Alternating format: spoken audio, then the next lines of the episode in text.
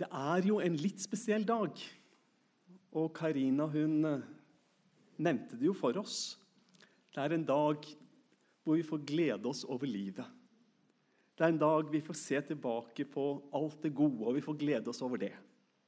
Samtidig så er det alle helgeners dag. En dag som er tilfeldig sånn sett, men, men det er nå en dag da vi som samfunn på en spesiell måte minnes de som har gått foran oss. I dag er det mange som kommer til å besøke gravsteder. Som kommer til å tenne et lys, legge en blomst på graven til noen som sto de nær, men som de ikke lenger har hos seg. Og eh, vi vet at det er en del av livet vårt. Vi synger om det hver eneste jul. Slekt skal følge slekters gang, synger vi. Så glemmer vi kanskje av og til hva vi virkelig synger om. Men vi vet livet er slik. Vi eldest.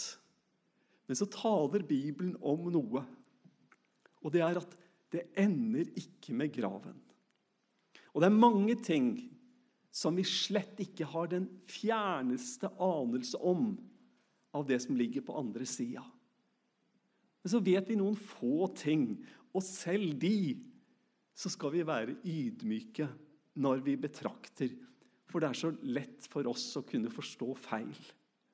Men selv om det er nødvendig for oss å ha en ydmyk innstilling til det som ligger på den andre sida, ved tanke på hva vi vet og hva vi forstår, så får vi allikevel ta til oss de bibelordene som taler om dette, og ta det til oss og prøve å forstå hva det er ment som. At det i hvert fall er ment å si noe til oss om at vi ikke skal sørge som de som ikke har håp.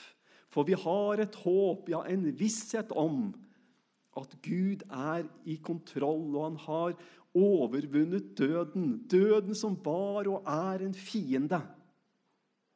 Den er overvunnet, for Jesus viste seg som seiersherren på korset. Og konsekvensen av den seier det er ikke bare for denne tiden, men det er for hele evigheten som ligger foran oss. Og Så taler Bibelen om at vi skal ha en ny kropp. Og så Allerede da så må vi jo erkjenne at dette skjønner vi jo ikke helt. Vi klarer å sette ord på det, og vi klarer å sette et system, liksom. Men, men en ny kropp? Altså, Vi er opptatt av former, utseende, rynker, høyde, vekt farge på huden. Vi vil gjerne ut og, og få litt eh, sol på oss, sånn at vi ser litt friske og, og, brune ut. Vi er opptatt med farge på håret. Det er utrolig hvor mye fint man får kjøpt i farger. altså. Og, og, og man, man er opptatt med det ene og det andre. 600 muskler. Og jeg har ikke den fjerneste anelse, egentlig, for jeg har jo ikke telt. Det har vel ikke du heller, men jeg leste en plass og skulle ikke forundre meg om det var på Wikipedia. så det er i hvert fall sikkert at det er helt sant. Men, men om vi har nå 600 muskler, noen av de sterke Ryggraden, ikke sant? alle de musklene som er rundt her for å holde kroppen vår oppe. Så har vi de store musklene som vi har bein og armer. Og, du, alt dette her som er kroppen vår. Ansiktet vårt som er fylt av muskler. Som gjør at vi kan smile. Eller, ikke sant? Vi, vi, vi, gir uttrykk for følelser. Og denne kroppen vår, med alt hva den har Jeg husker en gang jeg leste om Snoopy og Charles Brown. Jeg håper jeg sier riktig navn, og det er så lenge siden. Snoopy han ligger på hundehuset sitt, sånn som han så ofte gjør, og filosoferer. Og han tenker på Han må jo ha hørt et eller annet. Så han tenker på hva som foregår i kroppen hans. Infeksjoner kommer, kroppen setter i gang, sender hvite blodlegemer av gårde for å bekjempe dine infeksjoner. og Alt dette her pågår i kroppen min, og Snoopy han tar helt av. Og så ender det med den siste snakkeboblen, hvor Snoopy ligger der og ser opp og sier 'Heia kropp, heia kropp, heia kropp' når jeg tenker på denne her kampen som pågår Jo da, vi er opptatt av, av, kroppen og det som skjer. Vi holder på, vi trener, og vi gjør hva vi kan. Jeg leste en gang Dette kan jo ikke være sant. Det er for deprimerende hvis det er sant. Men, men, men jeg leste at det, vi forlenger jo livet hvis vi driver og jogger og løper. Og, og, vi forlenger livet omtrent like mye som den tida vi bruker på å jogge, jogge og løpe. Og, og, det kan jo ikke være sant, syns jeg. Da blir det så meningsløst. Men, men du, vi er, opptatt, vi er opptatt av en kropp. Og vi vil så gjerne at tinga skal være i balanse. Og så tenker jeg at av og til så blir det en veldig ubalanse i hva vi er opptatt av. Vi blir bare opptatt av det som har en sånn begrensa verdi, og som skal passe inn i et spesielt ideal. For det går an å være opptatt med kroppen og egentlig tenke på helt andre ting. Det er bildet av eh, sykehuset vårt. For det er ikke bare forgjengelighet som gjør at mennesker Jeg mener eh, forfengelighet som, som gjør at folk kan være opptatt av kroppen. Jeg kan nevne ord som kreft, diabetes, Alzheimer, hjerteinfarkt, hjerneblødning, høyt blodtrykk Altså, Jeg kunne fortsatt å nevne navn på alvorlige sykdommer. Og har man noen av det, ja, klart man blir opptatt av kroppen. Men da er det ikke forfengelighet bare. Da har du med liv å gjøre. Denne balansen Du, bekymring. Friske, helt friske mennesker går og bekymrer seg for at de er redd for å bli syke. Og jeg mener absolutt ikke å harselere med det. Men, men jeg tror ikke det er så nødvendig. Å, bestemora mi døde av kreft, mora mi døde av kreft, og jeg kommer sikkert til å dø av kreft, jeg også, kan noen tenke. Men det kan da ikke være nødvendig å gå og tenke sånn. Det er det ene, og for det andre så er det slett ikke sant. At ting er nødt til å repetere seg, og at jeg kommer sikkert til. Men vi er, vi er nå opptatt med kroppen vår. Og av og til bekymrer vi oss så altfor mye.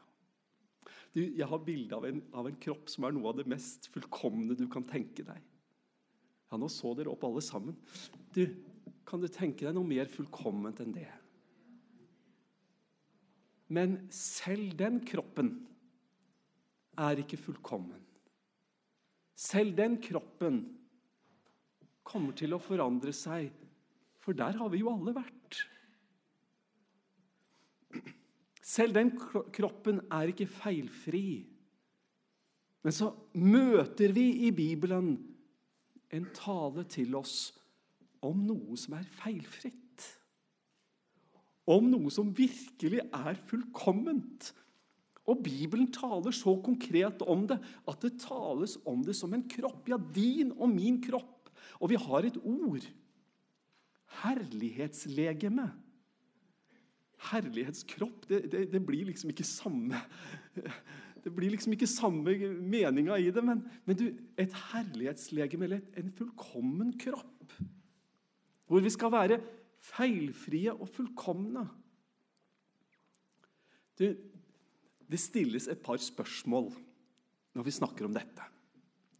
I 1. Korinterne 16 så står det Men nå vil vel noen si Og det kan jo Paulus ha rett i. Og det, det vil si hvordan står de døde opp? Hva slags kropp har de?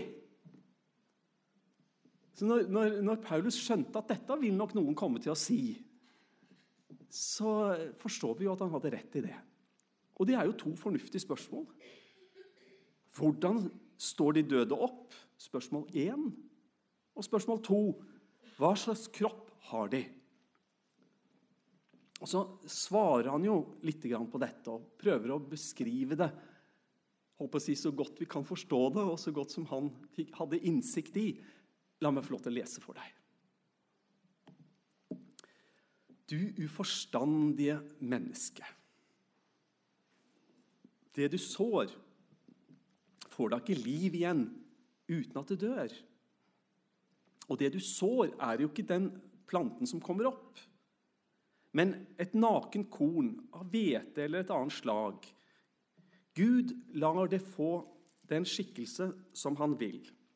Hvert enkelt slag får sin egen skikkelse. Ikke alt kjøtt er av samme slag. Det er ett slag hos mennesker, ett hos fe, ett hos fugl, ett hos fisk. Og det finnes himmelske kropper og jordiske kropper. De himmelske har én glans, de jordiske en annen. En glans har solen, en annen har månen, og en annen igjen har stjernene. Ja, én stjerne skiller seg fra en annen i glans. Vi kunne ha fortsatt å lese, og vi skal lese noe mer også. Men, men Paulus taler om at man sår noe, og så dør det. Og så vokser det opp noe nytt, men noe som er av samme slag, men allikevel noe annet. Jeg har vært med og planta poteter Heter det planta poteter? Sette poteter, tror jeg vi sa. Man planter kanskje ikke poteter. Eh, og, og jeg husker tanta mi hun kutta de i to til og med for å drøye såpotetene som vi, som vi skulle sette i jorda. Men uansett hvordan det var Man stappa det nedi den mørke jorda, og opp så begynte det å spire. Og så gikk det noen måneder. Så kunne vi gå ut, og så kunne vi høste. Og vi så den lille eh, poteten som vi hadde lagt ned i jorda. Den var det ikke mye liv i. Men så så vi hvordan det vokste. Og så så vi alle potetene som den ene var blitt til. Og dere, Jeg er så enkel oppi mitt hode at jeg syns det er helt fantastisk. Og jeg forstår slett ikke hvordan det er mulig, men jeg klarer ikke å benekte sannheten av det. For liksom, jeg, jeg, jeg, føler jeg har sett det, og jeg vet at det er sånn. Men det er noe av skaperverkets kraft. Og Paulus bruker dette som et bilde. Og han taler om det man sår, og det er ved avslutning av livet, og vi følger våre kjære til et gravsted. Men så har vi et håp, ja, en visshet om at det kommer en oppstandelse. Vi, vi kan se ei kongle, og vi vet det kommer til å stå et svært furutre der. Det er naturens lov. Og Paulus prøver å bruke dette bare som et bilde, og alle bilder halter nok litt. Mer eller mindre fullkomne. Men Kanskje det ikke er furutre, forresten? Jeg syns, noen, jeg syns jeg så noen bøyde seg bort og hviska i øret til noen at det er et grantre. Ja, hva vet jeg? Et tre er det i hvert fall. Men du, la nå det være. Er det grantre? Er det furu? Å, dere er snille. Selvfølgelig er det furutre. Enhver av dere ser jo det, ikke sant? Men du, det er naturens lov. Og her halter alle bilder. Men du tenk, Gud har en plan. Gud har tatt en bestemmelse, en beslutning. Det kommer til å skje. Du, Dette herlighetslegemet Jeg tror jeg har et annet ord. Et himmelsk legeme. Det er nå kanskje vel så godt. Altså, Det som er annerledes enn det vi sår men som oppstår til uforgjengelighet. Skaperverket i dag er lagt under forgjengelighet. Vi liker det ikke, og Bibelen sier at skapningen likte det ikke. Bibelen sier det var ikke skapningen som ville det slik, men han ville det slik. Så Gud la dette skaperverket under forgjengelighet, åpenbart pga. syndefallet. Men så skal vi oppstå til uforgjengelighet i en syndfri tilværelse. Samme identitet, men likevel annerledes. La meg lese litt først. Slik er det også med de dødes oppstandelse. Det blir sådd i forgjengelighet. Det står opp i uforgjengelighet. Det blir sådd i vanære. Det står opp i herlig glans. Det blir sådd i svakhet. Å ja da, vi vet det. Det blir sådd i svakhet. Det står opp i kraft. Det blir sådd en kropp som hadde sjel.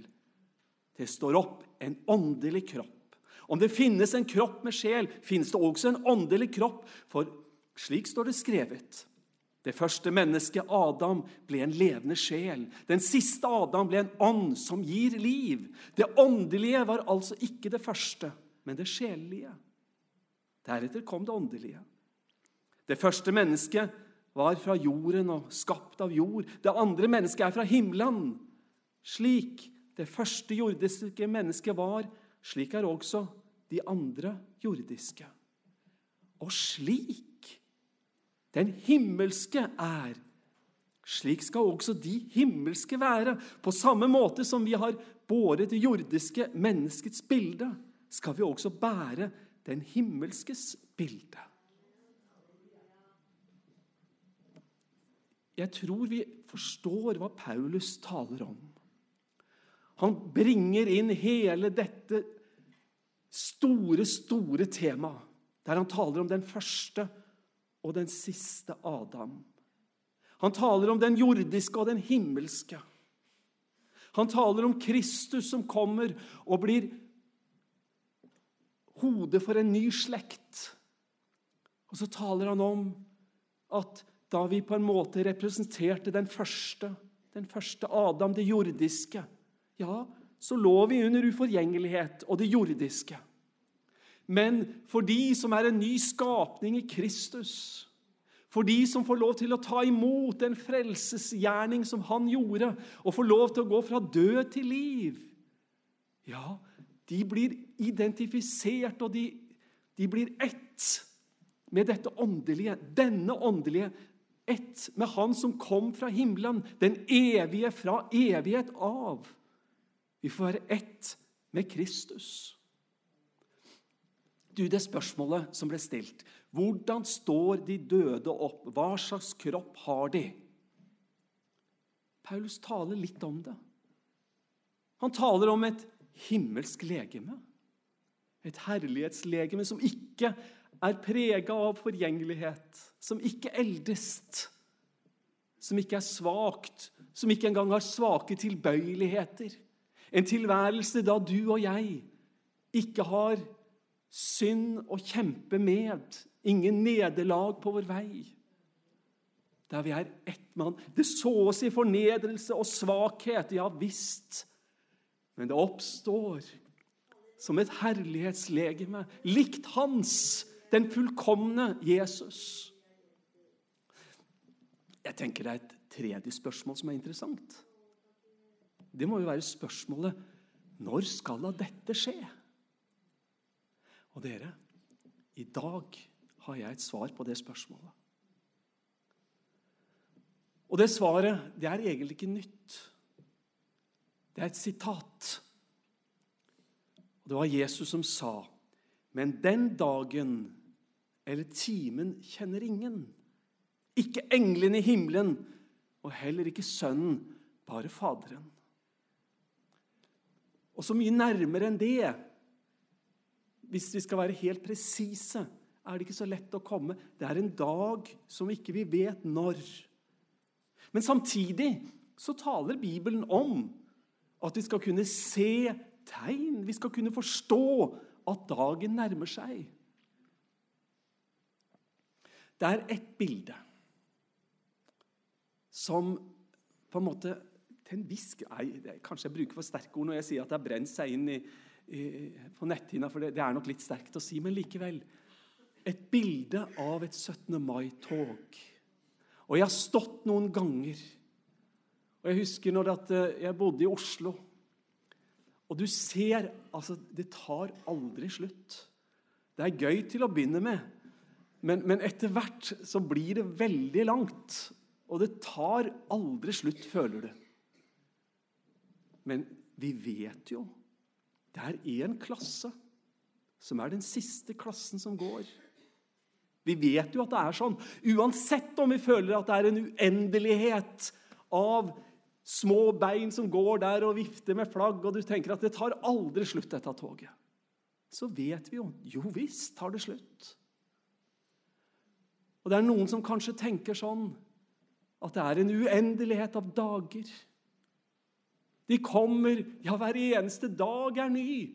Ny dag med nye muligheter, og vi tenker det tar aldri slutt. Men egentlig, hvis vi stopper opp, så vet vi. Det tar slutt. Du trenger ikke være i tvil engang. Det tar slutt.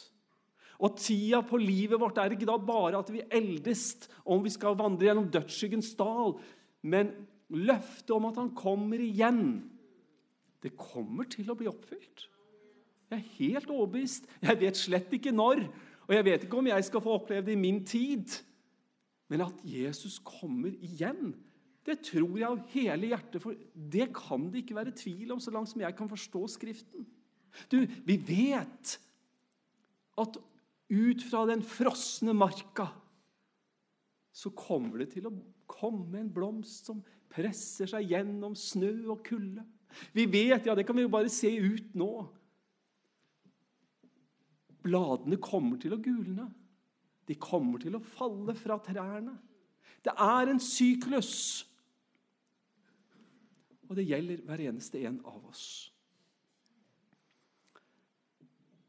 Det står om en vandringsmann. Han leser vi om både i Det gamle og i Det nye testamentet. Det nye testamentet peker tilbake igjen. Og det står om Enok som vandra med Gud. Så ble han borte, for Gud tok ham til seg. Hebreerbrevet forklarer det litt nøyere for oss og sier det at, at det var ved tro så ble Enok rykka bort uten å dø. Ingen så ham mer, for Gud hadde tatt ham til seg. Og jeg tror det er et, jeg, altså For det første så tror jeg at det skjedde. For jeg tror jo på under, så derfor er det ikke så vanskelig å tro på sånne ting.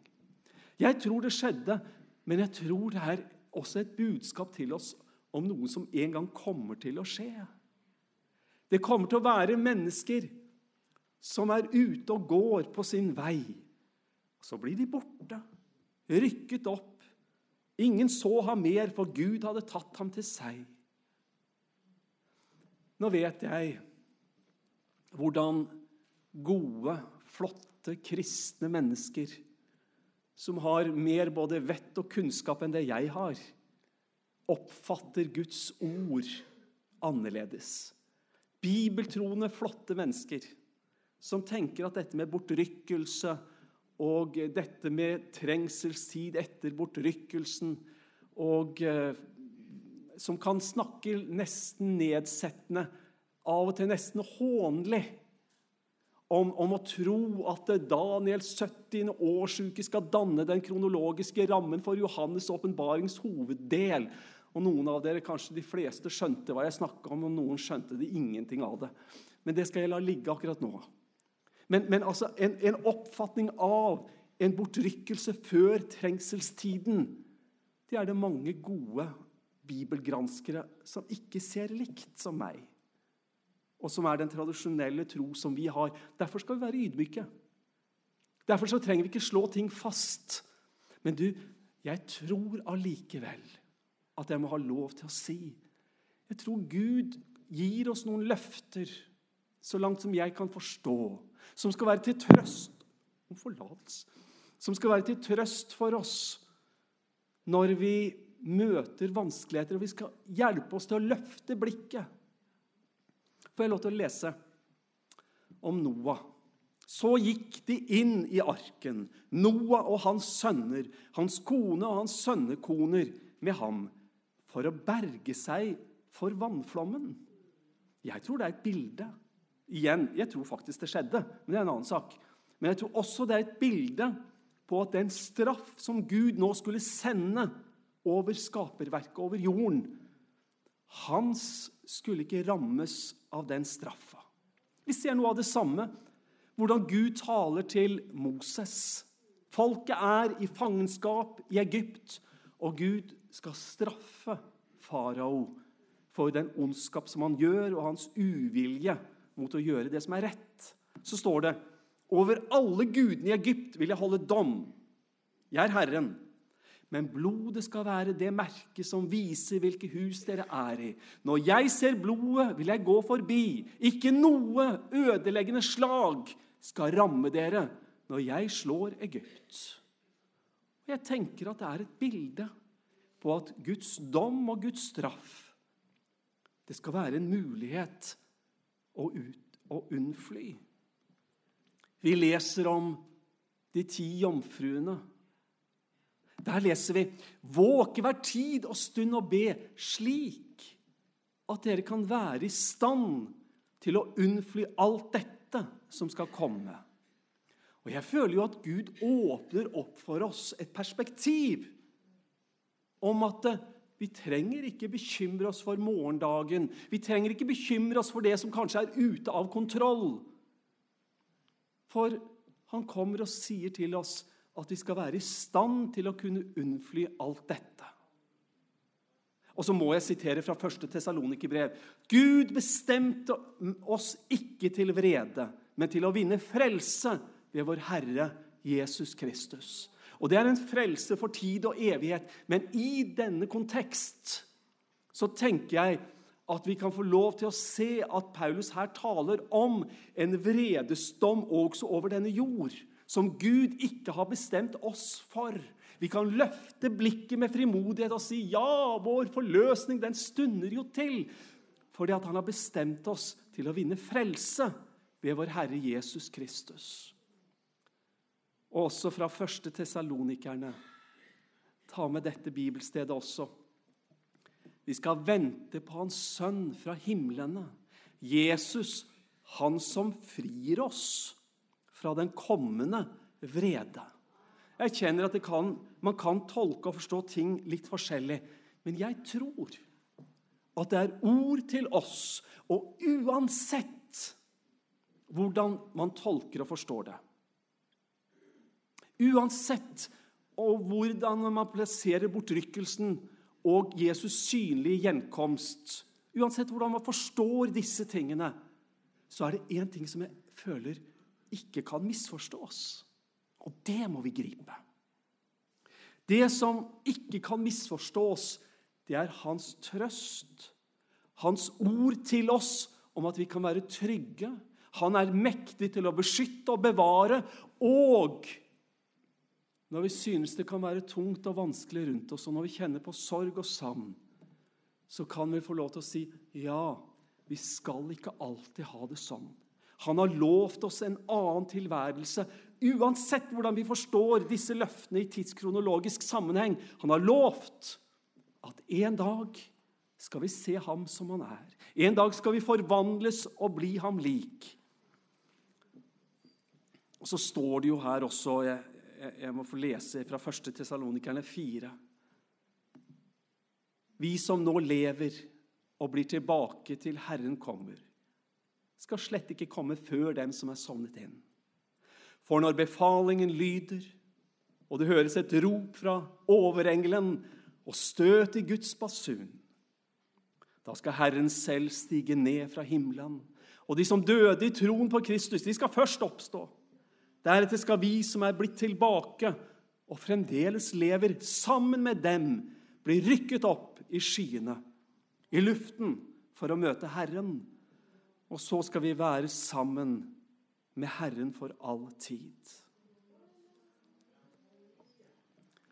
Jeg tror dette beskriver en gjenkomst da de døde skal oppstå. Vi som lever, forvandles skal vi få lov til å oppleve og få se Han som Han er. Og Mye mer kunne vært sagt, og mye mer hadde jeg vel egentlig tenkt å si. Men jeg tror vi skal avslutte disse, denne, disse bibelordene med, med 1. Tessalonikerne 4. Og så må vi si til hverandre Han har begynt den gode gjerning i oss. Men en begynnelse er ikke en fullendelse. Men skriftordet og løftet har mer enn at han bare har begynt. Han som begynte den gode gjerning i dere, han er mektig til å fullføre den. Vi trenger ikke bekymre oss for morgendagen. Vi trenger ikke være engstelige for om ikke vi forstår alt når det gjelder de siste tider og Jesu gjenkomst. Vi kan ved frimodighet løfte våre hender og vårt hjerte til Han som har begynt den gode gjerning i oss, som ropte 'Det er fullbrakt' på korset. Og så får vi lov til å hvile i at våre liv her på jord er i hans hender. Ja, vår evighet er i hans hender. For han som har begynt den gode gjerning i oss, han er mektig til å fullføre den i hver eneste en av oss. Så stor en Gud har vi, sånn en allmektig Gud har vi. Og dette får vi hvile i, dette får vi glede oss i, dette får vi finne kraft og styrke i. Han er mektig til å fullføre sitt liv. Og om jeg enn skulle vandre i dødsskyggens dal, frykter jeg ikke for ondt, for du er med meg. Din kjepp, din stav, den trøster meg. I Jesu navn. Amen.